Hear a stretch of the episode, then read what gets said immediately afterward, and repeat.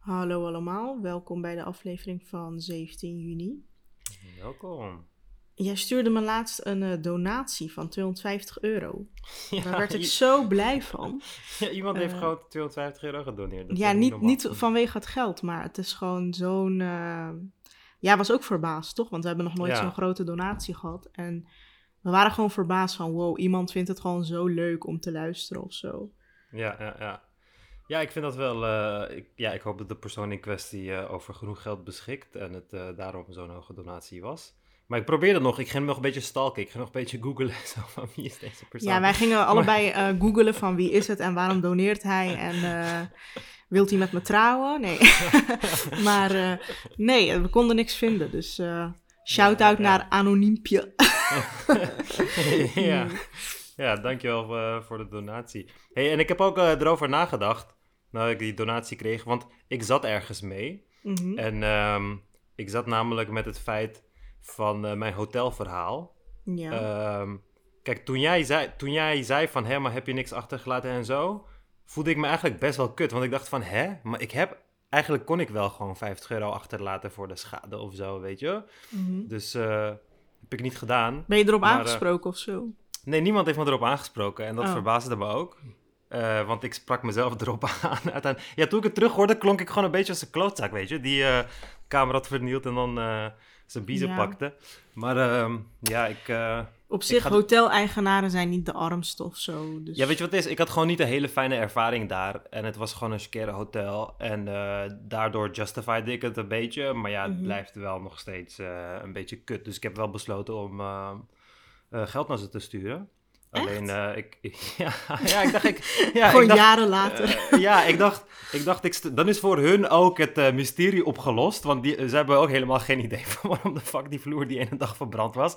Met die rare lange jongen uit Amsterdam. Die dan één dag blijft en de ochtend weggaat met een verbrande laminaat. Ga Maar het was- om jou. Het was uiteindelijk één eh, plaat laminaat, weet je. Want ik had jou nog die foto gestuurd van die brandvlek. Die had ik teruggevonden op mijn telefoon. Ja. En het was één plaat laminaat, dus het moet niet heel duur zijn.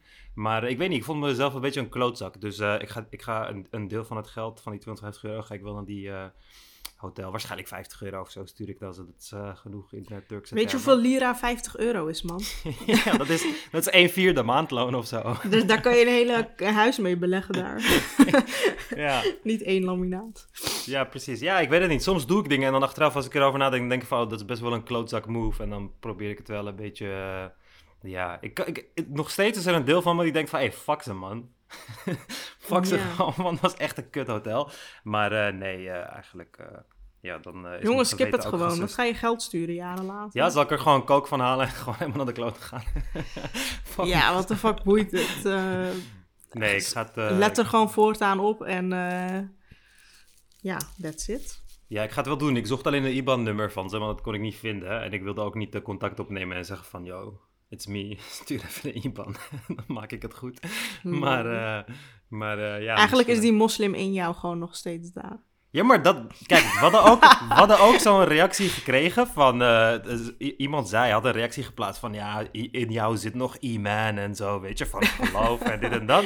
Maar ik, ik, ik, dan, dan, dan voeg je goed doen en geloof samen of zo. En ja, Nou ja, dat, ik- is, dat is helemaal niet... Kijk, het feit dat ik niet wil dat we mensen oplichten... of dat er van de arme persoon wordt... eh, dat die wordt onderdrukt... of dat mensen... Weet, weet je, gewoon dat soort dingen. De little man, dat die onderdrukt wordt. Dat Mhm. is gewoon... Ja, dat hoort toch gewoon normaal te zijn. Het heeft toch helemaal niks met de religie of... of eh, weet ik het wat te maken. En ik ben ook gewoon raar. Kijk, als ik, als ik gelukkiger werd van ehm, geld... Weet je, het maakt me niet echt gelukkig, want ik ben gewoon een sad fuck eigenlijk, meeste van de tijd. Maar als het me gelukkig maakte, ja, dan was ik, had ik ook voor die kant gekozen. Alleen, eh, dat, doet het, eh, dat doet het bij mij niet, dus dan kies ik meer voor de... En het is ook egoïstisch hoor, want ik doe al die dingen gewoon zodat ik Mhm. me beter voel over mezelf. Van, oh, ik ben een goed persoon en weet ik veel wat allemaal. Uiteindelijk is alles egoïstisch. Ja, maar ik denk Maar, eh, dan, waarom geef je die 50 euro niet aan iemand uit Turkije die geen eten heeft of zo? Weet je Ja, omdat, omdat je een soort van een directe connectie kan leggen tussen de schade die je dan hebt aangericht of zo. Ik weet het Hmm. niet. Maar ik nam het mezelf gewoon heel kwalijk toen ik het terug hoorde. Da- dacht ik van, hè, dat, dat past eigenlijk niet bij je. Ik En, weet niet, eh, ik heb die Robin Hood mentaliteit. Als iemand eh, gewoon eh, dingen kan betalen, heb ik er nooit medelijden mee. Ja, maar daarom, daarom, heb ik, daarom is het ook die Robin Hood mentaliteit. Want ik ben rijker dan hun, als het ware. De personen die daar werken, als het ware. Dan niet de eigenaar van de hotel waarschijnlijk. Mhm. Maar eh, ik bedoel, met een eh, minimumloon in eh, Amsterdam, in Nederland, ben je al rijker dan ja, 70% van Turkije of zo. Dus ja, dan hoor ik wel het goede te doen en zo. En soms vergeet ik dat. Soms vergeet ik dat ik... Want soms voel ik me een kind, weet je. En dan denk ik van, ja, ik mag gewoon fouten maken en weet ik veel wat. Maar soms vergeet ik dat je wel het, het goede voorbeeld moet geven. En jij de, de goede persoon moet zijn, zeg maar. Wat een mooie les in deze podcast. Ja, ik word er echt Gaan we nu ook bidden? Ik word er echt kotsmisselijk van. Jezus Christus. Ik kijk naar boven, ik zie echt vijf muggen hier vliegen. Ik weet niet echt wat ik moet doen. Dit huis van mij, dus dit nieuwe huis waar ik in woon, wordt zo warm. Het is echt niet normaal. Het is nu 25 graden hier binnen. Verwarming is gewoon uit. Maar het wordt hier heel warm. Ik weet niet waarom. Ja, ja, ik zou sowieso horen halen voor eh, al je ramen en deuren. Zodat Ja, de muggen naar binnen komen. En je moet even in je tuin checken of er dingen zijn waar water in verzamelt, zeg maar. Want muggen leggen hun eieren in, ehm, in water. Muggenlarven zwemmen in het water. Oh. Dus als je, als je kleine emmertjes hebt met een laagje water erin en zo. Als je Ja, daarin kijkt op een zomerse dag, dan zie je daar echt duizenden larven in zwemmen. Dat zijn allemaal babymugjes. Dus, Oh ja. eh, Ik heb die- toevallig inderdaad nu in de tuin emmers met water. Ja, dus dat gaan allemaal muggen worden. Dus die, zou ik gewoon leeg gooien. Oké, ik ben al helemaal lek gestoken in Spanje. Ik ben echt muggenmoe. Ja. In Spanje heb je dus paella met konijn. Eh, dat is dus rijst met kip en konijn. Maar je kan daar nooit alleen met kip bestellen. Dus het is altijd met konijn. En we Ja. gingen in de bossen wandelen met Tim. En op een gegeven moment zagen we een man met zo'n eh, hele kudde honden. Die gingen jagen op konijnen. En daar maken ze dus paella van. Dat vond ik toen zo zielig. Ik zag gewoon die konijnen, zeg maar, door die honden eh, gebeten worden. En naar die Ja. baas gebracht worden. Toen werd ik gewoon bijna vegetarisch. Bijna. Toen Maar kon, ik geen, eh, toen, toen kon ik opeens na die dag ineens geen paella met konijn eten. Dus zo werkt je psyche. Het is echt iets M- maar heb je, het, heb je het geprobeerd? Wat heb ik geprobeerd? Konijn? Ja, ik vond het eerst dus lekker, maar nadat ik dat heb gezien, kon ik het niet meer eten. het is echt Ja, raar. Ja, ik heb ze zelf de, de keel doorgesneden. Echt als fucking klein kind moesten ze dat doen. Want in, Mhm. Turk, in Turkse dorpen, wat ze doen is, ze, gooien, ze vangen gewoon een paar konijnen, wilde konijnen. Dan gooien ze dat in een schuur en dan leggen ze een hoop eh, graan neer. En dan kom je een paar weken terug en dan zijn het opeens 40 konijnen. Want ja, ze zeggen niet voor niks neuken als een konijn. dus eh, ja, en dan eh, gaan ze daar gewoon van oogsten als het ware. Dan pakken ze er gewoon veel van. En ja, ik heb dat ook altijd vrij... ja, maar ik weet niet, op de een of andere manier vind ik dat... ehm, ik vind dat minder erg dan eh, een konijn die eh, gekweekt wordt voor eh, de vleesindustrie of zo, die zijn hele leven lang opgesloten zit. Weet je, want het is gewoon onderdeel van de natuur. Of nou een hond hem vangt, of een, of een havik, of een vos, of whatever. Dus het is gewoon part of nature. Ja, klopt. Maar ik weet niet. Het is, het is oprecht geen keuze van mij of zo. Maar mijn hoofd denkt dan te veel aan die... aan dat bloed en die konijnen zo in die vorm. En dan kan ik het ineens niet meer eten. Dat had ik vroeger ook in Turkije. Ik ben dus jarenlang vegetarisch geweest toen ik eh pubertje was van 11 of 10 of 12 of zo. En dat was dus omdat ik bij het offerfeest in Turkije was. En eh, al die mannen die dieren zag slachten, maar ook kippen en weet ik veel wat. En ik Ja. vond het zo afschuwelijk, dat bloed en hoe ze het deden en zo, dat ik gewoon niet meer kon eten. Dus het was geen keuze van, oh ja, nu vind ik het zielig voor de dieren, dus ik word vegetarisch. Het was gewoon, ik kon niet eens meer eten. Ik vond het gewoon te vies. ja. ja. En ja. daarna kwam het weer vanzelf, zeg maar. Ja, ik denk dat je een beetje, je, je leert dat vergeten als kind. Daar denk je gewoon niet aan. Maar daarom ook, als iedereen zijn eigen vlees moest doden, zijn eigen dieren moest doden, dan was het gros van de wereld vegetarisch, denk ik. Veel Ja. mensen zouden daar de ballen niet voor hebben. Maar ja, je wordt gewoon van jongs af aan, eh, wordt gewoon eh, in je gepropt dat eh, ja, vlees komt gewoon uit de plastic bak. Ja, precies. Kijk, als je gewoon zo'n kipfiletje in blokjes haalt bij de Albertijn, zo mooi wit-roze, helemaal schoon, gewassen, in blokjes gesneden voor je. Je hoeft het letterlijk alleen nog Oh, in de pan te pleuren met groenten en eh nasi-kruiden erbij en je hebt lekkere nasi, weet je wel.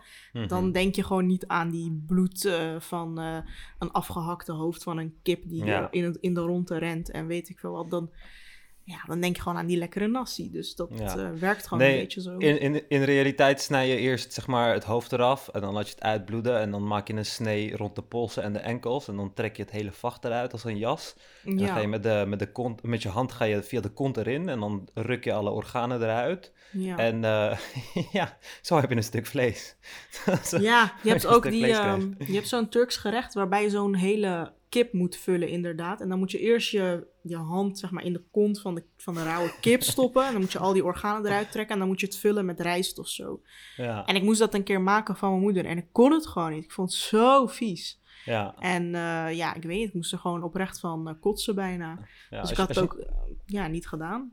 Ja, als je een kip van gewoon uit een dorp of zo slacht, zo'n vrijer uitloopkip zeg maar, dan eh, wanneer je die leeg haalt, er zitten al, want de kip legt elke dag een ei, maar al die eieren die, die, die nog moeten komen voor de komende week, die zitten er dan nog in. Dus dan vind je steeds eieren in verschillende grootte, die komen er dan uit, zeg maar. Mhm. In, eh, en dan, dat zijn dan zo'n... zo'n eh, ja, het is heel interessant om allemaal te zien, maar ik weet niet. En als kind vind je dat ook minder erg. Ik weet nog heel goed dat er ergens een... volgens mij werd er een schaap geslacht of zo, omdat we weggingen uit het dorp.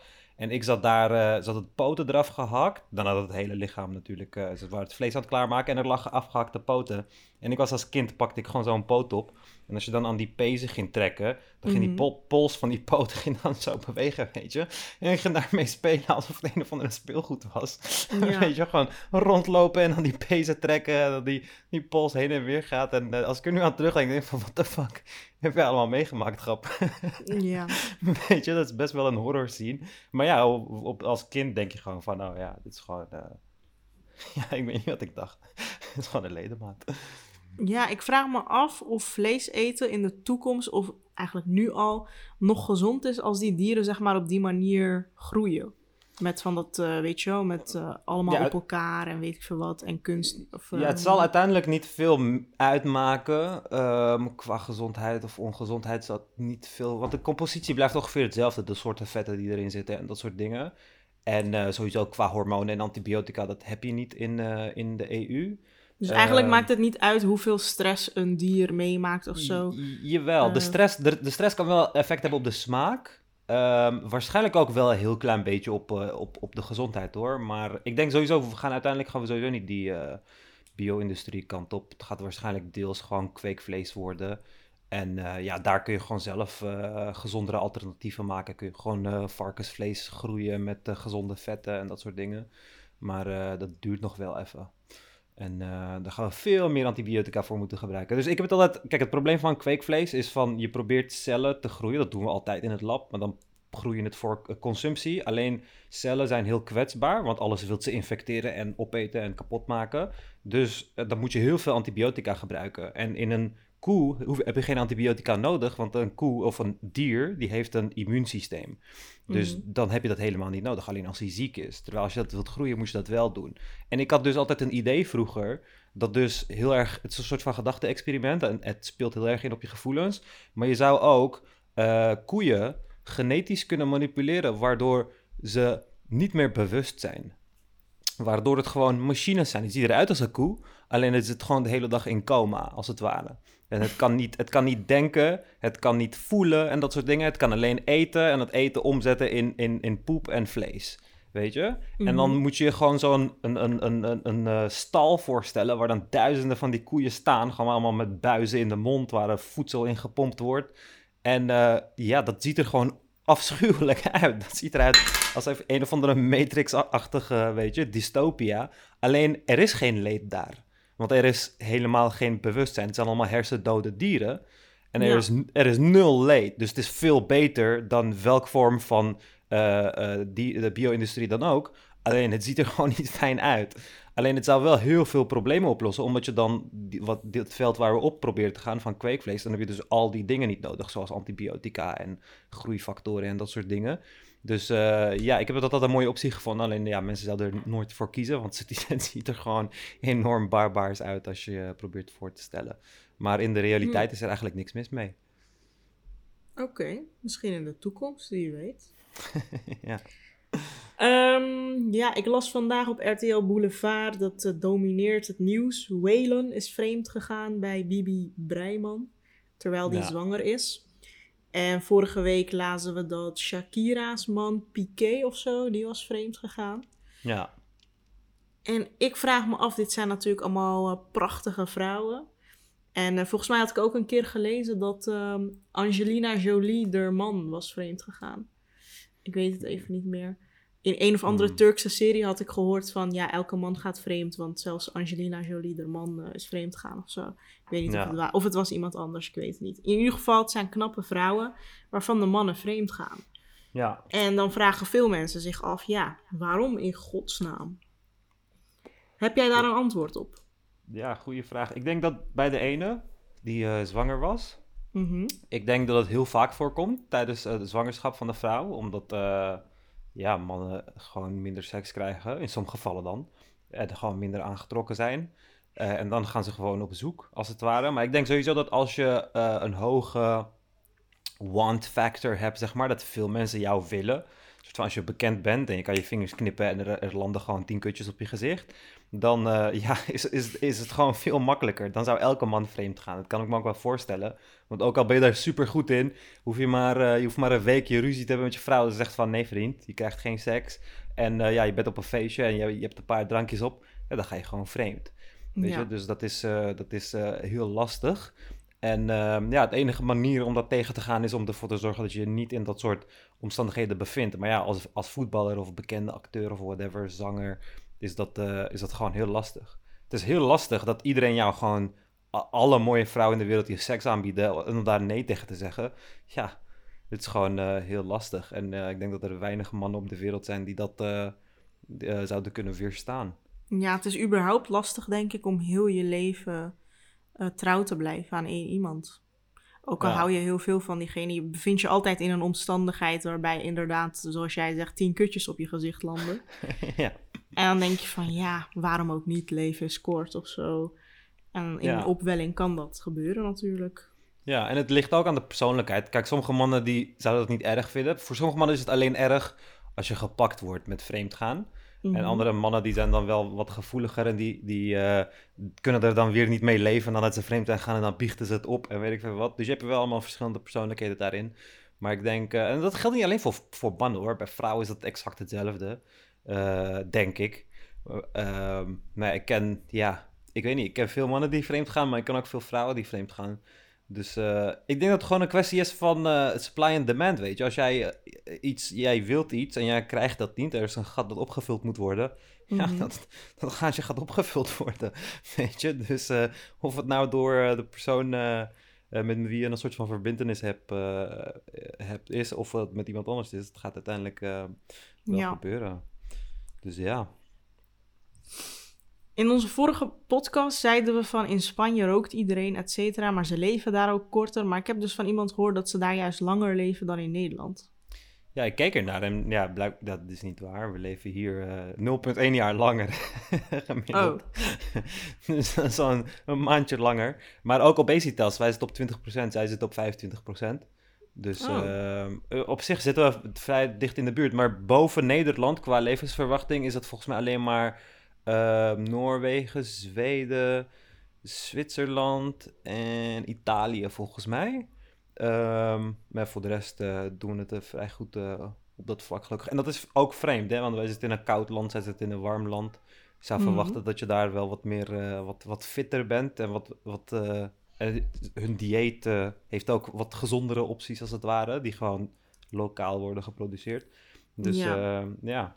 Maar Italianen doen het wel veel beter dan ons, maar Spanjaarden jammer genoeg, eh, jammer genoeg niet. Ja, ik hou echt niet zo van eh, warmte, heb ik gemerkt deze vakantie. Ik, eh, Het was echt soms boven de 35 graden.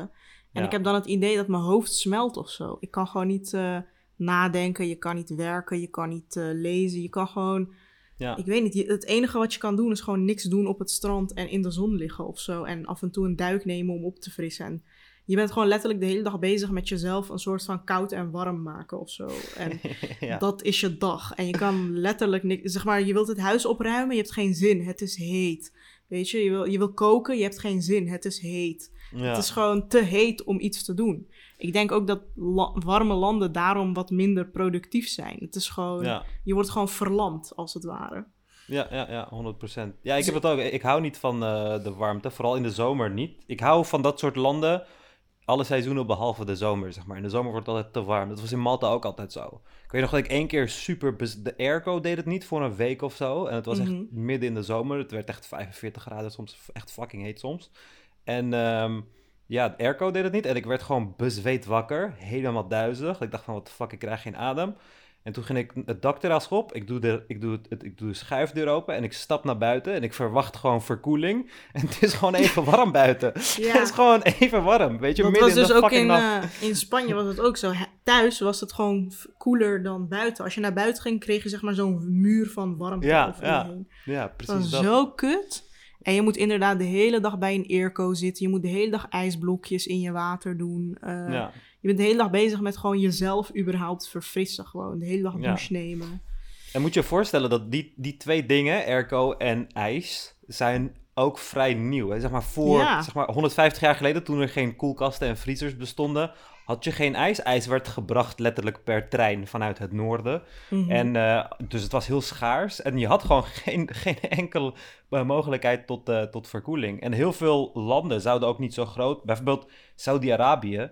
Daar zouden niet zoveel mensen kunnen leven. Of Dubai, daar zouden niet zoveel mensen kunnen leven als je geen airco had. Als je geen toegang had tot ijs en andere soorten van verkoeling.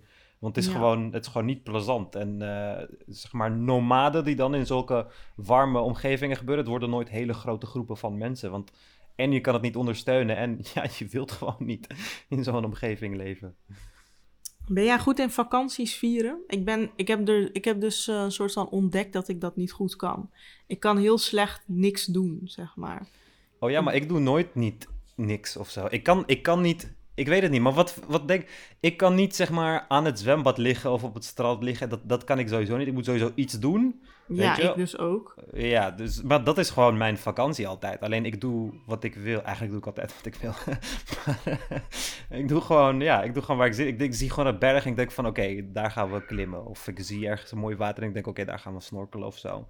Maar eh, ja, dat is, dat is voor mij gewoon vakantie vieren. Maar ik kan niet rustig zitten en niks doen. Dat is, eh, ja, dat, dat heb ik altijd voor vrouwen gevonden of zo, weet je. Gewoon aan het zwembad zitten. Of voor oudere mannen. Gewoon de hele Ja. dag aan het zwembad zitten. Maar ik wil gewoon op onderzoek uit. Ik zit in een nieuw land. Maar iedereen zit daar echt gewoon niks te doen, hè? Overal om je heen zie je bijvoorbeeld urenlang mannen in een café zitten. Ja. eh theetje drinken, of niet eens theetje, sangria drinken ze daar dan bijvoorbeeld.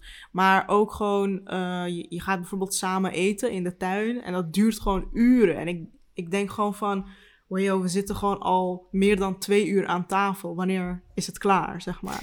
En het Ja. is gewoon, het is daar gewoon echt normaal. Alles gaat gewoon op zo'n laag tempo. En toen ineens besefte ik dat ik het eens was met Mai en Johan Derksen. Want ik had een keer tegen Mai gezegd, ook over, trouwens ook tegen Johan Derksen, van je bent met pensioen. Waarom ga je niet lekker in Spanje zitten, in een warm land, geniet van je leven en zo. Maar ik ontdekte ineens dat ik daar ook echt slecht in ben. Ik hou echt Ja. van de frisheid van Nederland. En ik hou echt van werken en actief met dingen bezig zijn. Weet ik veel wat, een podcast maken, een column schrijven. Gewoon iets doen waar je een soort van voldoening Ja. uit haalt of zo. En Ja. binnen één week was ik er zo klaar mee. Dat terrasjes zitten, strand zitten. Ik dacht klaar, oké, ik wil gewoon weer naar huis of zo. Ja, ja, ja. Ja, nee. Ja, ik kan dat ook niet. Ja, maar jij, eh, ga jij nog eh, binnenkort op vakantie of zo? Ehm, nee, ik denk het niet. Ik ga deze zomer sowieso in Nederland zijn. ehm, want ik wil de zomer hier meemaken. Lekker weer op het water. En ehm, ja, waarschijnlijk eh, tegen de winter aan dat ik ergens naartoe ga. Oké. Nou, het ging veelvuldig over de film What is a Woman? Ja. heb jij, jij hebt die gezien, geloof ik. ja. Van Matt Walsh. Nog zo'n... eh, Ik heb het eerlijk gezegd niet gezien, maar ik heb er Ja. heel veel over gelezen op Twitter en fragmenten ervan gezien. En het komt erop neer dat hij aan iedereen de vraag stelt van wat is een vrouw en dat niemand er echt antwoord op geeft. ja. Dus iemand zegt dan ja, het is een, als jij, eh, weet je wel, een vrouw is gewoon als jij een vrouw voelt of zo. ja. Maar wat is er precies mis met die film? Ik snap het niet. Nou, die film is gemaakt door Matt Walsh. Matt Walsh is, soort van het, eh, is echt zo'n standaard korte conservatieve man die eh, alles haat wat met eh, vrouwen en seksualisering te maken heeft. Dus een beetje het schoothondje van Ben Shapiro. Ze, ze zitten bij hetzelfde, bij de Wire, Daily Wire, zeg maar. Maar de hele, kijk, die film is letterlijk bedoeld voor mensen die zo weinig mogelijk weten over ehm, alles omtrent gender en transgenders en al die dingen. Om, om ze een. Om zeg maar de. De, de, ja, de transfobia uit je te halen of zo. Om dat een beetje te activeren. Door hele, hele, hele.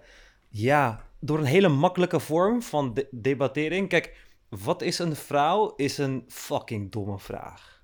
Het is, het is gewoon een fucking domme vraag, weet je? Want het betekent niks. Kijk, allereerst, woorden betekenen niks. Dat is, dat, dat is letterlijk wat... Kijk, ik zou jou op dezelfde manier wat hij, zoals hij dat doet, dan zegt hij van wat is een vrouw en dan geeft hij een antwoord en dan gaat hij erop in en zo, kan ik over elk onderwerp doen van wat is een stoel?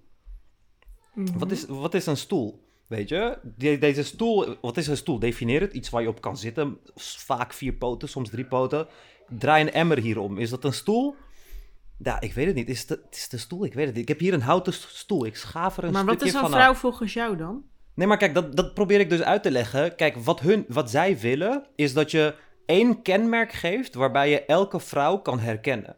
Maar dat, dat kan niet. Dat kan zelfs met normale woorden niet. Zelfs met een stoel of een auto of weet ik veel wat, kan dat niet. Weet je, als je de Ship of Theseus een beetje kent, je, Mhm. ik kan gewoon delen van een stoel afschaven en het blijft een stoel. En er is niet een moment waarbij jij zegt van, oh, als je dit stukje eraf schaaft, dan is het geen stoel meer. Weet je, het Mhm. zijn geen concepten die bestaan. Je hebt gewoon hout aan elkaar geplakt en het is een stoel. En met vrouwen is dat dezelfde manier. Zij willen heel graag aan de biologische eh, manier vasthouden. Alleen dat is niet de realiteit waarin wij leven. Kijk, jij hebt een gender expression. Dat is hoe jij je, je, je, je gender naar buiten toe expresst. En dat doe jij op de manier, uh, uh, uh, op, op de manier van een vrouw. En daarom zie ik jou als vrouw. Jij bent Lale, je bent een vrouw. Ik Mhm. heb jouw kut nooit gezien. Heb ik nooit gezien. Ik heb hem niet gezien. Dus je weet niet of die er is. Precies, ik weet niet of hij er is. En ik, vraag, ik leef ook niet in een wereld waarbij ik aan iedereen vraag van... ...yo, ik moet eerst je kut zien, anders ga ik geen vrouw tegen je zeggen. Weet je, of Mhm. ik moet eerst je lul zien. Je kijkt gewoon naar iemand en je kunt zien welke gender expres- expressie deze persoon heeft. Mhm. Alleen dat willen ze niet. En dat is, het probleem is dat je ze daarmee ook terug kan pakken. Alleen wat ze met deze documentaires doen, is dan kiezen ze gewoon hele makkelijke targets uit... ...die niet weten hoe je je moet verdedigen tegen dit soort simpele aanvallen. En dan lijk jij gewoon dom. Weet je? En gekoppeld met heel veel leugens nog erin, maar daar komen we nog wel op. Maar hij, hij, hij eh, vraagt dit aan een gender studies professor. En die professor begint het uit te leggen. Het, het wordt echt interessant. Die begint het gewoon letterlijk uit te leggen. En dan gaat hij het gewoon doorspoelen. Zo alsof je als klein kind bla bla bla bla bla bla bla, zegt. En dan heeft die iemand het alles uitgelegd. En dan zegt hij van: Ja, maar wat is een vrouw? Weet je? En hij kan zelf die vraag ook niet beantwoorden. Want voor hem is het gewoon van: Oh, het ziet eruit als een vrouw. Dus het is een vrouw. Dat is, dat is voor iedereen zo. Mhm. Iedereen. Niemand twijfelt aan het feit of ik een man ben of weet ik veel wat. En niemand heeft mijn penis gezien. Weet je? Gewoon letterlijk niemand. Is het niet gewoon allemaal... eh, Bijvoorbeeld bij Ongehoord Nederland zei die Raisa Bloemenstein hierover. Zei van, een vrouw is gewoon iemand met een vagina die een kind kan baren of zo. En die twee eh, tieten heeft of zo. Ik weet niet meer wat ze. Ja, oké, maar dat is dus. Oké, maar dan, dan zeg je dus. Kijk, dat zijn. Dan, dan, daar kan je ze dus op terugpakken. Dan gaan ze zeggen van. Een vrouw is iemand met een vagina. Oké? Ja, Sommige vrouwen worden geboren met een. Bijvoorbeeld een onafgemaakte vagina. Die hebben geen vagina. Zijn het geen vrouwen? Wat zijn het dan? Zijn het geen mannen? Oeh, je hebt jezelf in de voet eh, geschoten. En dan zeggen ze van ja, vrouwen kunnen kinderen baren. Dus steriele vrouwen zijn geen vrouwen. Vrouwen in menopauze zijn geen vrouwen. Vrouwen die hun baarmoeder hebben laten ver- verwijderen door kanker of whatever, zijn opeens geen vrouw meer. Oeh, ja, dat werkt ook opeens niet. hey, de realiteit lijkt toch ingewikkelder dan we dachten, weet je? Dus zij Ja. verwachten van de mens dat je met zo'n ding komt, alleen dat is er niet. En tegelijkertijd gaat die realiteit die zij willen ook een probleem maken. Oké, denk aan een transgender man. Die ziet er precies uit als een man, gewoon één op één, tattoos, die is kaal of weet ik veel wat allemaal. Jij zou nooit zeggen dat het een vrouw was. Het lijkt gewoon op een man. Maar volgens hun realiteit moeten we eerst on- in de broek kijken. En als Mhm. blijkt dat er niet eh, een perfecte penis onder het ligt, moeten we die persoon geen man noemen. Is het Ja. gewoon een vrouw? Is het niet gewoon heel simpel? Dus het is, eh, je bent gewoon eh, of als vrouw geboren, of je bent in transitie gegaan en je bent nu vrouw. Ja, En dan ben je een vrouw, toch? Dat zou Ja. mijn antwoord zijn. ja, ja. Maar dat is, dat is hoe het hoort te zijn. Maar voor- zij willen heel erg graag Maar dat je, ze- dat je dat je zij geen willen of- gewoon heel graag dat je zegt dat transgenders geen vrouw zijn. Daar Nee, maar ze willen dat neer. transgenders gewoon niet bestaan. Want het probleem Ja, is, kijk, al deze organisaties... Kijk, wat mensen niet begrijpen... en daar moet je echt heel erg mee opletten met alle content van Amerika... orthodoxe christenen in Amerika zijn vele malen machtiger en enger dan ook maar de grootste IS-hoofd of eh, weet ik veel wat, hoge positie, whatever. Deze mensen Mhm. hebben absurd veel geld. Die zijn niet te herkennen, hebben geen fucking tulband op hun hoofd of zo. Die dragen gewoon rustig een pak, maar geloven wel dat Jezus over een paar maanden of over een paar jaar terug gaat komen en eh, alle christenen naar hemel gaat meenemen. En daar doen ze heel veel voor. En exact dezelfde argumenten die ze destijds voor, de, eh, voor homo's hebben gebruikt, die gebruiken ze nu weer. En exact dezelfde methodiek waarbij ze pre-existing homofobia, want iedereen heeft, als je niet met homo's om je heen bent opgegroeid, heb je homofobie. Want iets wat je niet begrijpt, daar ben je gewoon bang voor. Dat is de menselijke ziege. Dat is waarom Nederlanders bang worden als ze vluchtelingen op een bootje Allahu Akbar horen schreeuwen wanneer die Nederland zien. En denk van, het zijn allemaal terroristen, want dan schreeuwen Allahu Akbar. Want dat is wat terroristen schreeuwen, weet je. Voor ons Ja. is dat fucking absurd wanneer je dat ziet. En het is voor ons ook absurd wanneer jouw broertje of neefje of whatever zegt van... nee, je wordt, eh, homo wordt je gemaakt, je kan niet homo worden geboren en zo. Dat weten wij allemaal. Maar met heel veel trans dingen weten wij dat niet. Hier, bijvoorbeeld, hè, in, in eh, Irak eh, kun je gewoon transgender zijn... Maar als je, als, je, als je dat ook op je documenten wilt veranderen, moet je jezelf chemisch laten castreren. Dat is fucking lijp. Toch? Dat is fucking lijp. Dat zou, Ja. niet, dat zou niet thuis horen. Dat hoort niet thuis in de moderne wereld. Maar het is helemaal niet in Irak. Het is gewoon in Nederland. Tot 2014 moest iedereen die transgender was en zijn geslacht op de paspoort wilde, laat, eh, eh, eh, wilde veranderen, moest zich chemisch laten castreren. Tot fucking 2014.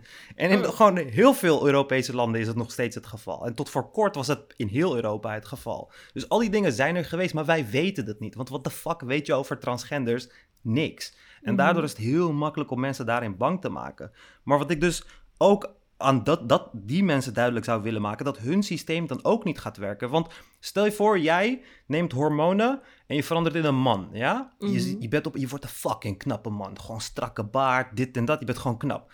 Ik word verliefd op jou, oké? En wij hebben een relatie samen.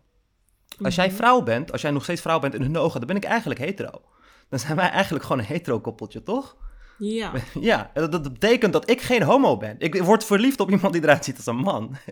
Weet je, je hebt allemaal operaties gedaan, je hebt nu een lul. We hebben lekker anale seks elke avond, weet je, als lekker twee, twee mannen.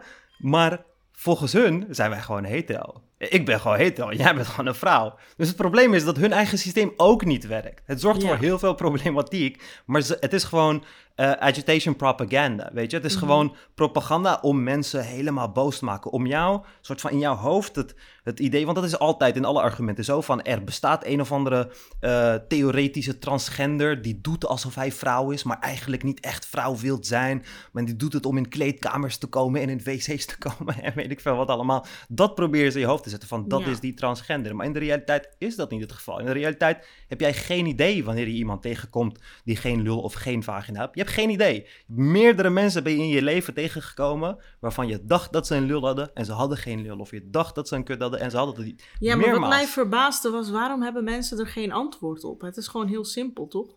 Eh, Ja, het is, het is dus niet heel simpel, want je kun- heel veel mensen weten dat niet. Kijk, het maakt niet uit welke definitie, ook van de stoel. Als ik zeg van definieer een stoel, jij kan dat definiëren, ik kan gewoon gaten prikken in die definitie.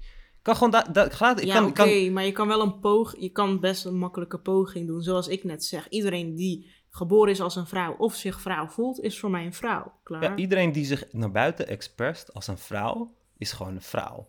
Ja. That's it. En dat weten we van iedereen. En we weten ook bij van mensen die dat nog niet zeker weten. Weet je, als je iemand ziet op straat en tegen je vriend zegt van... Yo, is dat een jongen of een meisje? Weet je, die mensen zie je ook soms. Eén keer once in a blue moon. En dat zijn dan de mensen die, weet je, nog in een transitie zitten... of zich helemaal niet aangetrokken tot, tot geen, enkel gender. Maar wat ik helemaal niet begrijp van al deze shit... is wat boeit het? Want kijk, ze proberen wel theorieën te brengen van... oh ja, en er is een agenda en ze gaan al onze kinderen transgender maken. Dat deden ze ook in het homo-tijdperk. Deden ze, deden ze ook. Maar like, het is niet eens logisch. Like, waarom? Ja. Waarom wil een of andere grootmacht iedereen gewoon, weet je, transgender of homo of zo maken? Ja, ik snap zeg maar nooit waar ze zich zo druk om maken als het gaat om dit soort dingen. Eh, het, is, het zijn inderdaad de Raisa Blommestein, de Eva Vlaardingenbroek, Ongehoord Nederland, maar vooral in Amerika inderdaad. Waar maak je je precies druk om? Ook die ene, die zwarte man als cabaretier, die had hier een hele show over. Hij was toen een beetje gecanceld of zo. Ja. Eh, ik weet even zijn naam niet meer. Ik denk dat het gewoon vanuit de conservatieve kant, want het ligt gewoon in de bron, weet je. Het is gewoon, het is, het is een religieuze bron. Het is gewoon van, oh ja, man-vrouw relatie, hoe een huis hoort te zijn en weet ik veel wat. Man broek aan werken, vrouw rok aan in de keuken voor de kinderen, acht kinderen en dan zo'n fucking cringy foto. Allemaal acht blonde kinderen die hetzelfde aan hebben, weet je. Het zijn Ja. van die typetjes. En daar komt het gewoon vandaan. Het is niet dat ze een probleem hebben met transgenders, genderexpressie en wat ze allemaal doen. Ze hebben gewoon een probleem met het bestaan van transgenders. Net zoals ze ooit een probleem hadden met het bestaan van homo's. Net zoals je nog steeds moslimlanden hebt die gewoon claimen van... nee, er leven geen homo's in ons land. Het is hetzelfde. Die realiteit wil je naartoe, want je wilt niet leven in de realiteit. Gewoon, het blijkt uit alles wat je doet, dat je niet wilt, wilt leven in de realiteit, weet je? En hij zegt ook, ergens in die documentaire, dat vond ik echt zo raar, want Matt Walsh is gewoon een en al christen, weet je, iedereen daar is gelovig. En hij is eh, christelijk, streng ook. Mhm. En eh, hij zit met een, met een vrouw te praten, van, en die vrouw legt uit van, ja, kinderen weten gewoon op een jonge leeftijd, kunnen ze gewoon weten van, oh, ik voel me eigenlijk helemaal geen jongen, weet je? En hij Ja. geeft dan van, ja, maar, hij zegt dan van, ja, maar kinderen geloven ook in de kerstman.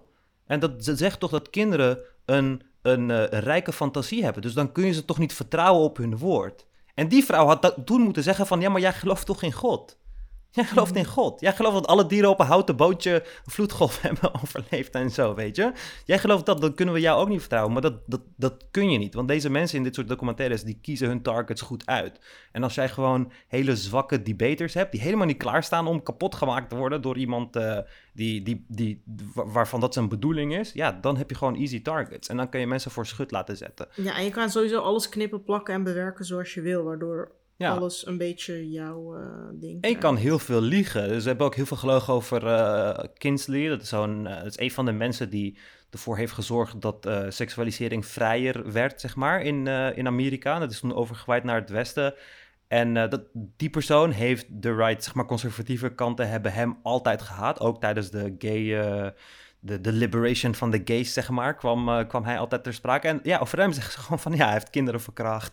hij heeft experimenten gedaan met kinderen en weet ik wat. Terwijl dat niet de realiteit is. En dat vind ik heel jammer. Weet je, de realiteit is dat hij een van de eh, mensen werd die de, seksuali die, die de seksualisatie van vrouwen heeft bevrijd. Voor hem dachten mensen dat vrouwen alleen een clitora- clitorale orgasme konden krijgen. Die konden Mhm. helemaal geen vaginale orgasme krijgen, want vrouwen, seks was voor vrouwen helemaal niet bedoeld om plezier te krijgen. Als ze plezier wilden, moesten ze maar hun eh, clitoris gaan aaien of zo, weet je? Mhm. En hij heeft jarenlang onderzoek gedaan op het gebied van seks. En hij heeft letterlijk eh, mensen die daar natuurlijk consent voor gaven, heeft letterlijk bijgestaan terwijl mensen seks hadden. Om, om te onderzoeken van wat vinden mensen eh, leuk en dit soort dingen. En hij heeft het boek gepubliceerd dat naar buiten bracht dat de meeste mannen eh, masturberen en de meeste vrouwen eh, masturberen. En dat vrouwen gewoon van seks genieten. En allemaal dat soort verschillende dingen. En hij is toen helemaal gecrucified door conservatief Amerika. Want oh nee, nu worden al onze kinderen gay en nu gaan al onze kinderen gaan nu, eh, gaan nu neuken en weet ik veel wat allemaal. Weet je, dus het zijn allemaal van dat soort figuren. En als je niet bekend met ze bent, er is ook dat ze oude psychiater, eh, psychiater laten v- praten. Een vrouw met op de achtergrond duizend diploma's. Van, oh ja, zij weet waar ze over, over praat. Maar dit is de vrouw die al twintig jaar lang boeken schrijft... over dat teens geen seks moeten hebben. Dat je geen seks voor het huwelijk moet hebben. En dat je niet moet pijpen, want van pijpen krijg je keelkanker. Allemaal dat soort dingen. Weet je, Ja. dat je kanker gaat krijgen en doodgaat. Maar als je die mensen niet kent en er staat opeens een dokter voor je... en die vertelt van, oh ja, deze mensen zijn ziek in hun hoofd. En nee, een man is een man en een vrouw is een vrouw. Ja, dan, eh, dan geloof je dat natuurlijk. En dat is waar ze gebruik van maken. Het is gewoon pure propaganda om mensen helemaal eh, in de war te laten raken. Hierover gesproken, er was een eh, lesbische kus in een kinderfilm, The Lightyear of zo, ik Oh, weet ja. het even niet meer. Ja, En die film is in heel veel landen geband, omdat ja, twee vrouwen met elkaar zoenden in een kinderfilm.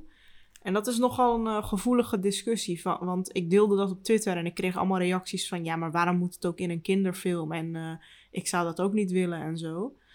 ja. Ehm, ik begrijp ja. er helemaal niks van.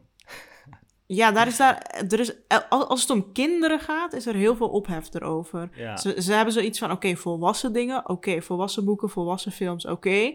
maar je gaat niet kinderen hun mind opfokken of zo. Ook Ja. met seksuele voorlichting, ook met bijvoorbeeld drag queens op school. Dat was op zo'n school in Nederland. Gingen drag queens gingen voorlezen. Nou, iedereen over de zeik, want eh, alle kinderen werden verneukt en weet ik veel wat. Ja. En hetzelfde trouwens met dat programma Bloot. Ja. Waar kinderen ja, naar blote volwassen mensen moesten kijken. Of moesten kijken, gewoon ter educatie. Ja. En dat is uiteindelijk ook afgeschaft. Ja. Eh, en ik heb ook gehoord dat in Canada, dat als je kind zegt van ik wil, ik, ik ben een jongen, maar ik voel me een meisje, dat je eh, verplicht bent om dat kind in de transitie te stoppen. Anders, eh, Nee, als dat kind het wil, dat kind, kind mag dat gewoon. Als het, dat kind mag daar zelf voor, eh, voor kiezen. ja precies. En als je als, dat als ouder niet accepteert, dan eh, verlies je je voogdij of zo. Ja. Ja. Ehm, en dat vinden mensen ook allemaal heel radicaal en zo. Ja. Ja, ik, ehm, ik snap zeg maar, bij, in dat geval snap ik bijvoorbeeld de kant die zegt, ja, maar het is een kind. Hoe kan je nou weten of die niet over twee jaar anders denkt? En dat is best wel een grote keuze, dat je Omdat- dan al... Omdat er gewoon studies zijn.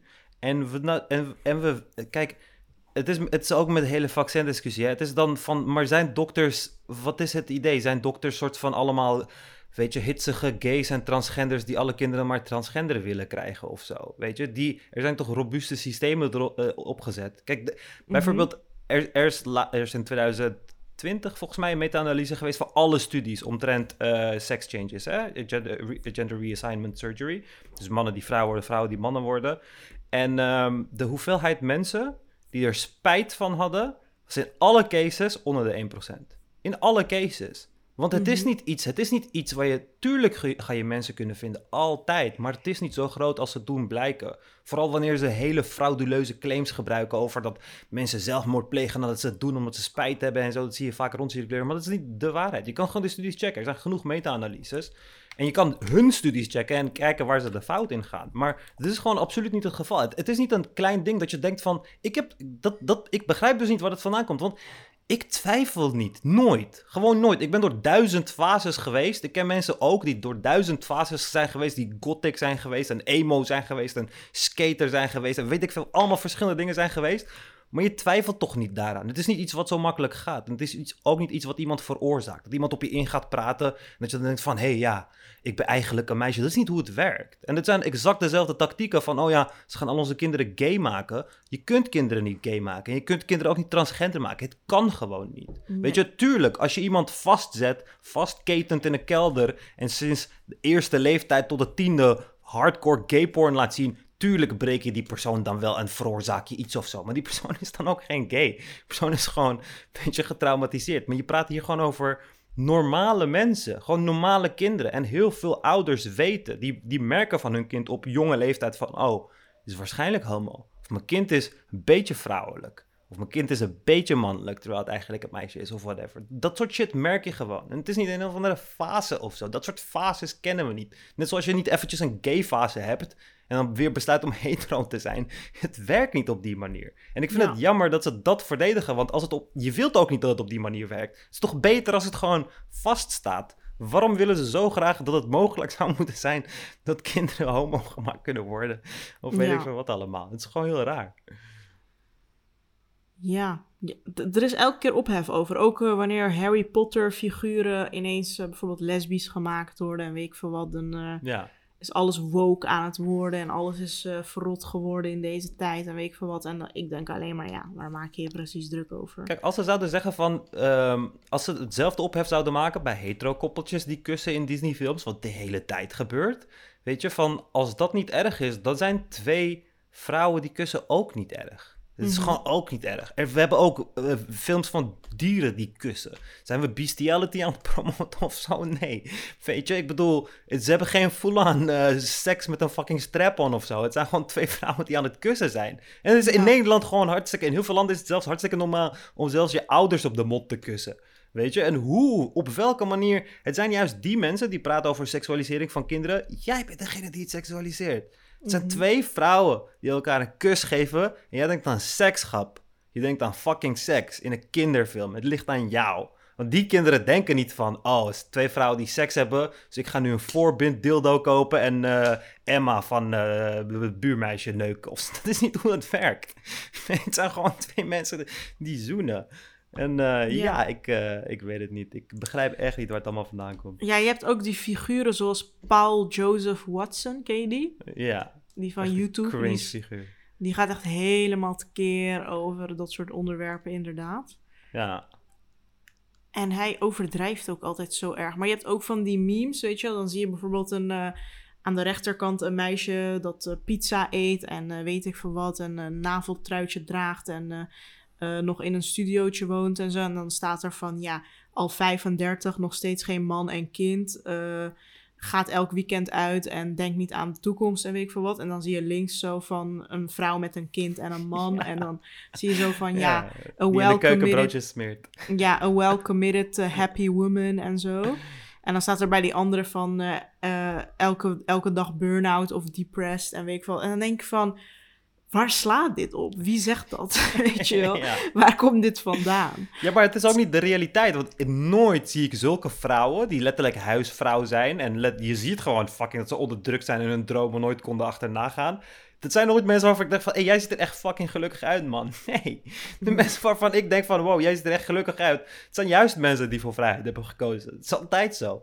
Dit is Ja. zo fucking absurd. Maar het is gewoon die controle die ze niet willen verliezen. De controle over hun kinderen, de controle over vrouwen. Dat willen ze gewoon niet verliezen. Want het zijn zelf, gewoon elke keer, zijn het van die, van die kleine conservatieve mannetjes die vroeger allemaal op school gepest zijn en helemaal geen fruitjes kunnen. Allemaal van die mensen, als fucking Matt Walsh en eh, eh, eh, Ben Shapiro en die Matt Watson of hoe die ook heet. Het zijn allemaal van die fucking losers die gewoon boos zijn op de wereld en het op die manier gewoon afreageren. En het zorgt Ja. ook natuurlijk voor de meeste views en kliks. Ze gaan niet over normale dingen praten, waar echt aandacht voor benodigd is. Nee, maar over hypothetische scenario's van, weet je, ja, eh, transgender wc's en eh, mensen, mannen die van geslacht veranderen om eh, kleedkamers binnen te komen en weet ik veel wat allemaal. Ja. Het is echt absurd. Nou ja, genoeg hierover. Onze mening is duidelijk over what is a woman. Volgend onderwerp, de boerenprotesten. Ehm, er zijn allerlei nieuwe wetgevingen aangenomen over het stikstofbeleid, want er is gewoon te veel stikstof in Nederland, geloof ik. Ja, De veestapel moet gehalveerd worden, CO2-uitstoot moet in 2030 gehalveerd worden. ja. Eh, en er moeten allerlei hele dure, ingewikkelde technieken toegepast worden om de stikstofuitstoot te verminderen. Nou, boeren hebben het idee van, ja, onze traditionele, weet je wel, genera- generatie op generatie boer geweest en alles moet vernietigd worden eh, onder het mom van eh, modernisering en zo. Maar uiteindelijk is het natuurlijk feitelijk gewoon slecht om te veel stikstof te hebben. ja. En ja, ik ben gewoon voor de transitie die de politiek heeft ingezet. En de VVD doet er trouwens aan mee. En dat verbaast heel veel mensen. En daardoor verliezen ze nu heel veel zetels. Omdat ze niet de kant van de boeren kiezen, zeg maar. ja. En eh, ja, ik ben eigenlijk benieuwd wat de nieuwe verkiezingen gaat. eh, ja, of ze bijvoorbeeld hierdoor gaan verliezen of zo. Ik denk het niet. Maar Ja, ik ja, vind- maar jouw mening over boeren is trouwens al bekend, toch? ja, Jij bent ja, ook precies. gewoon eh, tegen. Je, je had zelfs mij gestuurd dat de meeste miljonairs boeren zijn. ja, fucken met de, met de meeste miljonairs per percentage zijn boeren. Ongeveer 1 vijfde is, is miljonair. Dus Ja, ehm, ja. ja, wel echt zielig voor ze hoor, verder. Ja, het is wel zielig, alleen het is, eh, het is gewoon tijd dat het anders moet. Ik bedoel, Hisham die stuurde mij vorige week dat 23.000 boeren, dus eh, de helft van Nederland als grond hebben. Hè? Dus die Mhm. andere 18 miljoen woont in de andere helft van Nederland. Ja, En van die 23.000 is 1 op de 5 miljonair. Dat Ja. stuurde jij me. En eh, inderdaad, heel veel boeren zijn echt eh, heel rijk. Want dat grond wat ze vaak hebben is gemiddeld 1,8 miljoen waard. En weet ik veel wat. ja, Heb ik allemaal gelezen. Maar ook gewoon de dingen die... ehm, allerlei ziektes, weet je wel. We hebben Q-koorts gehad. We hebben kippenziekte, varkenspest, weet ik veel wat. Rundertuberculose, salm salmonella-eieren. ja. Wat hebben we wel niet gehad? En dat komt allemaal omdat we te veel dieren hebben in Nederland. Maar ook eh ammoniakuitstoot, stikstofuitstoot, CO2-uitstoot, ja. eh, eh, watervervuiling, vermindering van biodiversiteit. Noem maar op. Het is gewoon, het Ja, is gewoon ja. een huge problem. En daar moet gewoon wat aan gedaan worden. En het enige wat die boeren kunnen zeggen is ja, tradities afbreken. Dat is letterlijk hun enige argument. Maar wat, ja, wat wil je dan? Dat we gewoon omkomen van de stikstof of zo? Want ja. als je te veel stikstof hebt, heb ik tenminste gelezen, ik heb er verder geen verstand van, eh, kunnen er bijvoorbeeld geen bepaalde planten kunnen dan niet meer groeien. Het is heel slecht Ja. voor de mens, want dan ontwikkelen wij astma en zo. ja. Ehm, dus het moet gewoon verminderd worden. Het is, Het kan niet anders. Er is letterlijk geen andere mogelijkheid als je een normaal bestaan wil leiden. Ja, er zijn ook niet echt goede argumenten om het te behouden, los van die mensen hun ehm, way of life. Want eh, ja, ik hoor steeds van die kant het argument van ja, maar de boeren verbouwen het voedsel en zo, weet je. En ja, we, we hebben het daar al heel vaak over gehad, van we verbouwen meer dan alleen ons eigen voedsel. En eh, ja, wij blijven gewoon over met alle bullshit, met alle viezigheid en dat soort dingen. En die industrie is ook zo uit de kluiten gewassen dat ehm, toezicht heel erg moeilijk wordt. Dus de NVWA, je hebt allemaal veeartsen die bij dat soort bedrijven langs moeten om controles uit te voeren. En dat is al echt jaren, zijn daar allemaal eh, misstanden, omdat er gewoon personeelstekort is. Want het is gewoon een gigantische industrie en het is heel onoverzichtelijk. Dus als we dat... eh, ja, inderdaad wat verminderen, dan is er een beter overzicht en dan worden de boeren ook geforceerd om een beetje te innoveren. Hè? Dat is ook heel erg belangrijk. Je moet ook Ja. een beetje gaan innoveren en proberen mee te gaan met de tijd. En eh, ja, je hebt gewoon, ja, als je moet stoppen met boer zijn, heb je in ieder geval wel een flink zakcentje om welke onderneming je dan ook maar wilt eh, mee te starten. Dus ja, doe dat zou ik zeggen. Ga innoveren. En ehm, ja. Voor de rest, Ja, misschien een- is dat het. Misschien moet de overheid in, eh, inderdaad die transitie met de boeren mee, weet je wel, dat ze hun meekrijgen. Alleen, ik weet niet of dat mogelijk is en in hoeverre dat, ja, hoe dat moet gebeuren. Hoe kun je bijvoorbeeld boeren omscholen? Hoe kun je ze een eigen onderneming laten starten in een andere branche? Ja, dat is wel allemaal moeilijk natuurlijk. ja. Maar ik had dus dingen opgezocht. De 20% grootste akkerbouwbedrijven hebben een omzet van 4 miljoen euro per jaar. De 20% grootste tuinbouwbedrijven een omzet van 5 miljoen per jaar. Ja. Dat is best wel, eh, ja, inderdaad. En ze stonden dus voor die minister voor de deur bij de protesten. De minister van Natuur en Stikstof. Eh, voor haar huisdeur stonden ze. En dat heeft eh, ja, best wel veel mensen boos gemaakt. Caroline van der Plas van de partij BBB heeft daar ook afstand van genomen. Ja, ik zeg het. En ik wist bijvoorbeeld ook niet dat we 85% exporteren. Zoveel. Ja. En dat we 39% van de te consumeren productie weggooien vanwege overschot of een afwijkend uiterlijk. Ja. Dat wist ik ook Ja. niet. 39% Ja, maar is kijk- kapot veel. Als je die cijfers hoort, van 85% is voor de export, dan is het halveren van de veestapel is eigenlijk zelfs nog te weinig. Weet Ja. je? Maar als je die details niet weet, weet je, die boeren willen gewoon naar natuurlijk zo weinig mogelijk. Weet je, Ja. dan is het, is het doel 50% en dan gaan ze vechten voor 25% of dat, dat soort dingen. Maar eigenlijk, weet je, krijgen ze het al, zijn, komen ze er al goed mee vanaf. Want eh, ja, wij zien daar helemaal, helemaal niks van terug. En het is, gewoon, eh, Ja. het is gewoon absurd. En dat met weggooien en zo, op zich valt het wel mee hoeveel er wordt weggegooid. Want eh, vaak is het ook omdat... Kijk, je kunt, eh, als er bepaalde, als er iets is gevonden, salmonella of weet ik veel wat, kun je bepaalde badges kun je niet verkopen. Maar dingen die je krijgt, heel veel mensen denken dus als iets er niet goed uitziet, kan het niet verkocht worden en moet het weggegooid worden. Maar je hebt daar dus een hele industrie voor. Dus dingen die niet mooi zijn, appels die niet mooi zijn, maken we appelsap van. Weet je, groentes die niet Oh. mooi zijn, die vriezen we in. Weet je, aardappels die niet mooi zijn, die snijden we voor en dan maken we ervoor gesneden friet van. Dus er is, Ja. zeg maar, in een kapitalistisch systeem ga je afval nooit ehm, weggooien. Daar vind je altijd een product van. Bijvoorbeeld omdat we heel veel kaas produceerden in de wereld, hadden we vroeger dus heel veel afval in, in die vorm. Wijpoeder hou je dan als afval over. En dat gooiden we dan weg of dat voerden we dan terug aan, eh, aan de koeien en zo. En toen bedacht iemand dat je dat kan branden als protein shakes. En dat is waar alle protein shakes vandaan Maar komen. Dat is hoe, afval van waarom, de kaasindustrie.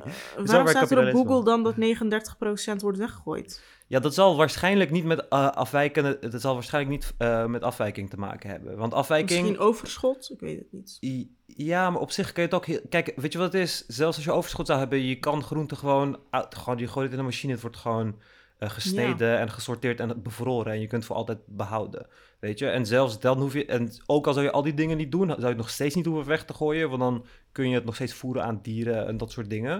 Ik weet Dus- dan niet waar dit vandaan komt. Ik Nee, heb maar- het wel in mijn column gezet, dus ik hoop Ja, niet dat ik... eh, Nee, maar waarschijnlijk bedoelen ze met weggooien gewoon dat het niet voor de eerste doel kan worden gebruikt. En dan ga je het gewoon in de weggooibin. Maar dat gaat uiteindelijk niet naar de stort, maar naar de volgende bedrijf die er een appelsap van maakt. Of die er appeltaart van maakt, of weet ik veel wat, of jam of whatever, weet je. mhm. Dus zo gaat het een beetje. Want voor al die producten, dus diepvries, sappen, eh voorgesneden groentes, dat soort dingen, daar gebruiken we altijd de lelijkere soorten voor. Dus je hebt A kwaliteit, B kwaliteit, C kwaliteit. Dus daar gebruiken we Ja. lagere kwaliteiten voor. Ik had ook gelezen, per hectare landbouwgrond is onze ammoniakuitstoot met 60 kilo nog steeds de hoogste in de EU. Ja, ik weet niet precies wat ammoniakuitstoot inhoudt, maar het zal wel slecht zijn. Ja, dus ammoniak zorgt er dus voor dat, dat, je, dat je meer stikstof in de grond krijgt. Dus ammoniak is wat er zit in poep en plas en, eh, en, en eh, ook, en ook in kunstmest en dat soort dingen. Dus in alle afvoer, afstroom, daar, eh, dat komt dan gewoon in het grondwater terecht en in het land. Ja. Dus En heel veel boeren zeggen, ja, maar Schiphol dan. Want. Schiphol heeft natuurlijk ook, creëert ook veel stikstof. Ja, Alleen ja, landbouw doet het wel veel meer. ja. Dus je moet ergens beginnen of zo, heb ik het idee. Ja, ja, ja, en we hebben op zich meer aan Schiphol dan aan het exporteren van 85%. Zodat die Ja. mensen rijk worden. Tenminste, niet sinds deze aan. week. Want Schiphol is echt één grote teringzooi. Er worden Ja. honderden vluchten gecanceld per dag. Ja, we hebben echt nog één nodig, hè? We hebben echt nog een, eh, nog een vliegveld nodig in de buurt Nou, het ligt niet aan de grootte van het vliegveld. Het ligt volgens mij aan personeelstekort, toch? Ja, ja, onder andere. Maar ja, ik, ik denk dat... eh want het, het is een vliegveld die altijd heel erg fucking druk is geweest. Dus, nee, maar tot nu toe ging je... Op, een ge- op een gegeven moment eh, kwam je aan de beurt en ging je vlucht gewoon door. Nu gaan gewoon hele vluchten Ja. niet door. Ja, nu is het eh, een beetje overal chaos qua personeel en dat soort dingen inderdaad. Dus ja, ik weet het niet. Ik weet niet wat de oplossing daarvoor is. Gelukkig eh, vlieg ik nooit vanuit Nederland. Heb je gevolgd dat Promes eh, poging tot... eh, even kijken, dat moet ik goed zeggen. Hij is volgens mij nog niet veroordeeld voor poging tot doodslag. Maar hij wordt wel veroordeeld, geloof ik. Hmm. Maar hij is op dit moment nog steeds vrij aan het voetballen. Ja. En ik weet niet, heb je dat gevolgd? Ja, een beetje. Ik weet niet wie het is of waar die voetbalt hoor. Maar ik weet gewoon dat de voetballer is. Maar ja, dat is altijd zo toch? Als je geld kan verdienen voor mensen. En als je een belangrijke functie hebt, dan kun je gewoon doorgaan. Net zoals... Maar- ehm, Ja, ik ben echt benieuwd wat, wat, waar dit toe leidt. Want poging tot doodslag is natuurlijk wel een hele serieuze aantijging. Ik denk dat hij er wel eh, goed mee wegkomt. Uiteindelijk levert hij heel veel mensen heel veel geld op. Dus hij krijgt gewoon de beste advocaten en dan... eh, Jij bent echt super cynisch altijd met dit soort dingen. Nee, nee, maar dat is, dat is zo, weet je. De, jou, Ja, jouw- maar poging tot doodslag is toch wat anders dan een Ali B die, eh weet ik Nee, veel, maar er eh, zijn... Oké, maar we leven zeg maar in een wereld waar ehm, ehm, banken voor de grootste economische crisis ooit hebben gezorgd en letterlijk decennia lang aan fraude hebben gedaan. Niemand is de bak in gegaan. Weet je, we hebben letterlijk de grootste war crimes eh, eh, gedaan over de hele wereld. Irak, Afghanistan helemaal kapot gemaakt. Met gewoon bewijzen. Bewijzen dat we gewoon, weet je, burgers doodschieten en dat soort dingen. War crimes. Niks Ja. aan gedaan, weet je. Mensen bleven gewoon aan de macht en allemaal dat soort dingen. Het gebeurt overal. Ik bedoel, eh, als je, als je, dat is gewoon de realiteit van de wereld. Het is niet echt cynisch of zo. Het- het- ik denk dat het juist, ik denk dat het juist te rooskleurig is om te denken dat ehm, rechtvaardigheid altijd een soort van zegeviert. Dat, dat is gewoon een sprookje. Wat, Nogmaals, hij heeft zijn neef eh, doodgemaakt. eh, Ja, ja, ja, ja. Ja, ik, ja dat, dat, dat kan. Dat, dat kan, weet je. je. Je kunt er gewoon ja, mee wegkomen. Het kan gewoon prima. nou, dat geloof ik niet. Ik, ik ben heel benieuwd naar hoe dit gaat aflopen. Ja, ik, ik, eh, ja, ik, eh, ik, vraag me, ik vraag me af, maar ik, eh, ik heb er weinig eh, hoop in, zeg maar. Heb je Amber Heard en Johnny Depp nog gevolgd? Ja, ja, ja. ja. Wat vond je er uiteindelijk van, van de uitspraak? Ehm, ik weet het niet. Ik ben niet de- heel erg goed in rechten, dus ik ga daar niet in kunnen oordelen en zo. Maar wat ik van, ehm, wat ik van het recht vond, is... Kijk, het systeem is een beetje zo dat je, je hebt daar een jury en die hoort dan onpartijdig te zijn, weet ik veel wat. Maar ik heb zeg maar best wel vaak veel stukjes gezien van, van die rechtszaak, waar gewoon grappen worden gemaakt door Johnny Depp of whatever, en hele jury mee aan het lachen is. Dat betekent letterlijk dat je rechtssysteem niks inhoudt. Ja. Maar er is toch sowieso heel veel kritiek op jury-rechtspraak? Ja, ja maar ook, ook, kijk, het is een meerdaagse ehm, zaak. En mensen moesten steeds terugkomen. En aan het einde van de dag zegt de rechter altijd van... oké, iedereen kan naar huis. Let erop dat jullie niet het nieuws volgen... en niet volgen wat er allemaal wordt gezegd. Want dat mag je allemaal niet doen, want het beïnvloedt jou dan. Dus je moet jezelf isoleren. Maar ja, oh ja, dat gaan ze hoe- echt doen. Ja, precies. Ja. Dus wie de fuck gaat dat doen? En uiteindelijk ook hoe eh, het internet... Kijk, ik zei in het begin ook van... Het was vrij duidelijk dat ze allebei gewoon toxic zijn. En dat is ook de reactie die erop zou moeten zijn. Is- Geen van hen zou fans of supporters of whatever moeten hebben. Alleen, ehm, ja, eh, Johnny had gewoon het internet met zich mee. Omdat eh, letterlijk de hele wereld denkt dat als dat een character in een film iets zegt over je persoonlijkheid. Het zegt helemaal niks. Weet je? Al die dromerige acteurs waar iedereen fucking verliefd op is en wat al. Het zegt helemaal niks over die mensen. Weet je, als je Ja. ooit allemaal bekende mensen gaat ontmoeten waar je in je jeugd naar hebt opgekeken, ga je echt denken van, oh, oh jullie zijn ook gewoon eh, idioten. oh, jullie zijn ook niet speciaal of zo. Weet je, dat is de realiteit. En jammer genoeg zien heel veel mensen dat niet en denken ze dat ze Captain Jack Sparrow aan het steunen zijn of zo. Terwijl, ja, ik bedoel, er is ook genoeg bewijs dat hij gewoon eh, eh, een agressieve abuser is, zeg maar, en een alcoholprobleem heeft. En dat zou de reactie moeten zijn. In een normale, goede wereld, zeg maar, met een normaal functionerende samenleving, zouden we ze allebei gelijkmatig moeten afstraffen vanuit het publiek. Maar eh, Mhm. ja, dat gebeurt niet, want dat is niet de wereld waarin we leven. Dus eh, ja. ja. ja. Maar Justin Bieber, die heeft ook een gezichtsverlamming, heb ik Oh, ja. gelezen. ja. Dat vond ik zo zielig. Ja. Ik was echt vroeger heel erg verliefd op Justin Bieber. Echt? Ja, ik ben ook heel lang fan van hem geweest. Als enige, hè. Ik ben verder van niemand bijna fan geweest, maar wel van Justin. Al vanaf het begin, dat hij zeg maar op YouTube uitbrak en zo. Ja. Dus Ja, ik vind het wel heel zielig. Ja. Die jongen ja. heeft echt... eh, ik denk dat hij echt een kutleven heeft. Al van, Ja, maar hij, is door, hij is doorgebroken op zijn vijftiende of zo, zestiende. Sindsdien heeft hij echt een kutleven. Hij heeft Nee, eh ja, ook- het drugsverslaving, een mental beetje- health. Het is ook een beetje een kut persoon waarschijnlijk.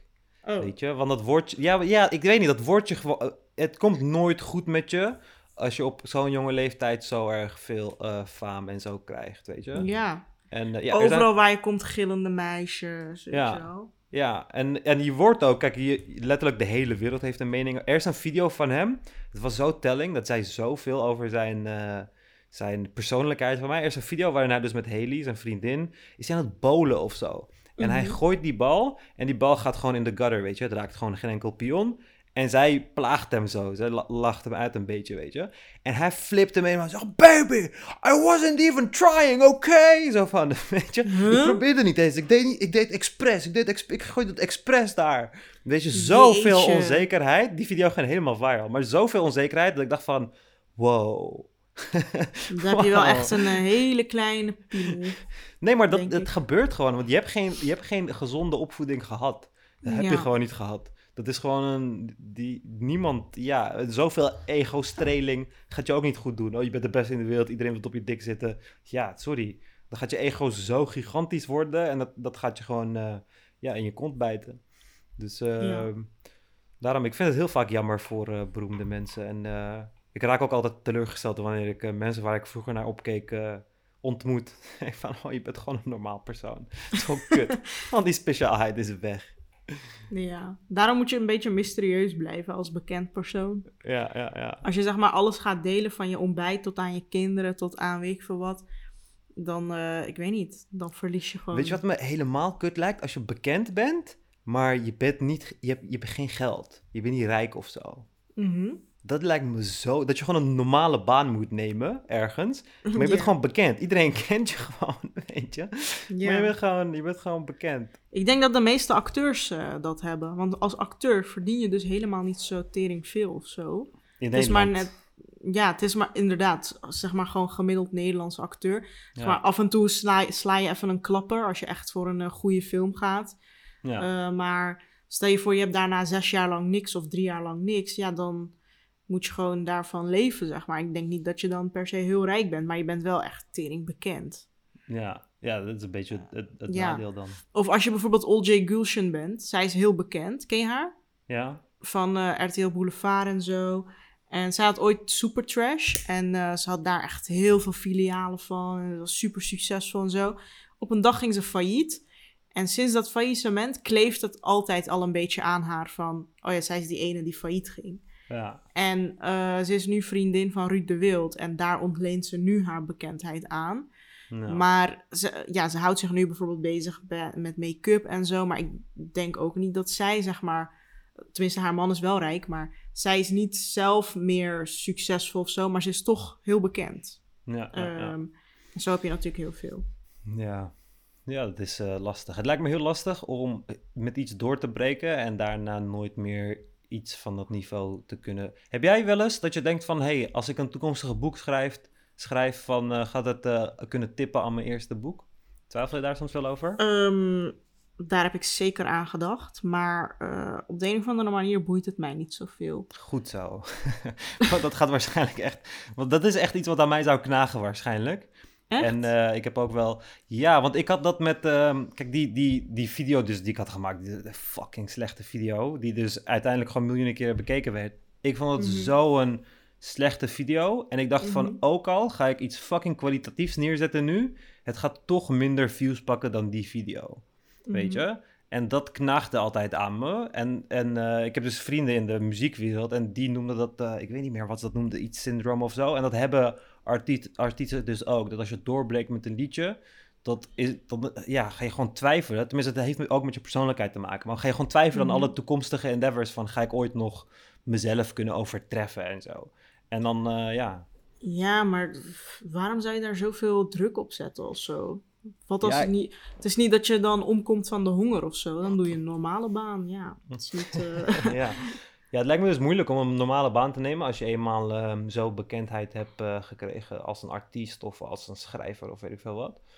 Lijkt het me Nee. vrij moeilijk als mensen je kennen. ja, ik weet het niet. Op de gaan het klantenservice zien. baantje zie je opeens eh Jolante Cabau naast je aan de telefoon. Ja. ja.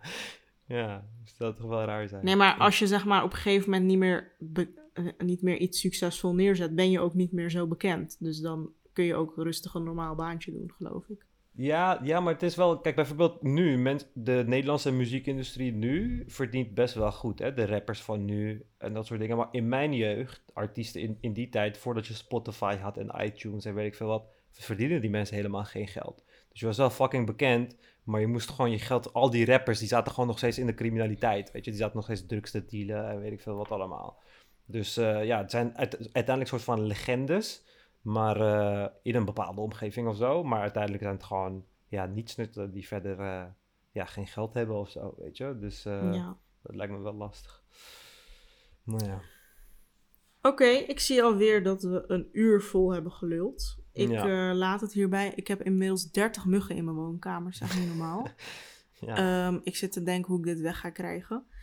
Maar ja, ik wil je hierbij bedanken en ik wil de luisteraars oproepen om ons te steunen op ikgaleven.backme.org. Ja. Vooral de persoon die ons eh, 250 euro had eh, gedoneerd laatst. Ehm, ja, ja. wel, eh, wel eh, alsjeblieft een abonnement nemen en geen eenmalige donatie. ik ga stuk. Ja. En ehm, ja, wij zien jullie de volgende keer. Als jullie vragen of opmerkingen hopen, ho- eh, hebben, dan eh, kunnen jullie dat naar Ummer mailen. Ja. ja. Waarom naar mij? Waarom niet naar jou? Ja, ik open mijn berichten nooit, dus je kan het ook naar mij mailen. Maar ja, de kans is groot dat ik het niet lees. ik, ik stuur het wel naar Lale. Komt goed. Nou, oké. tot de volgende keer. Doei doei. Doei.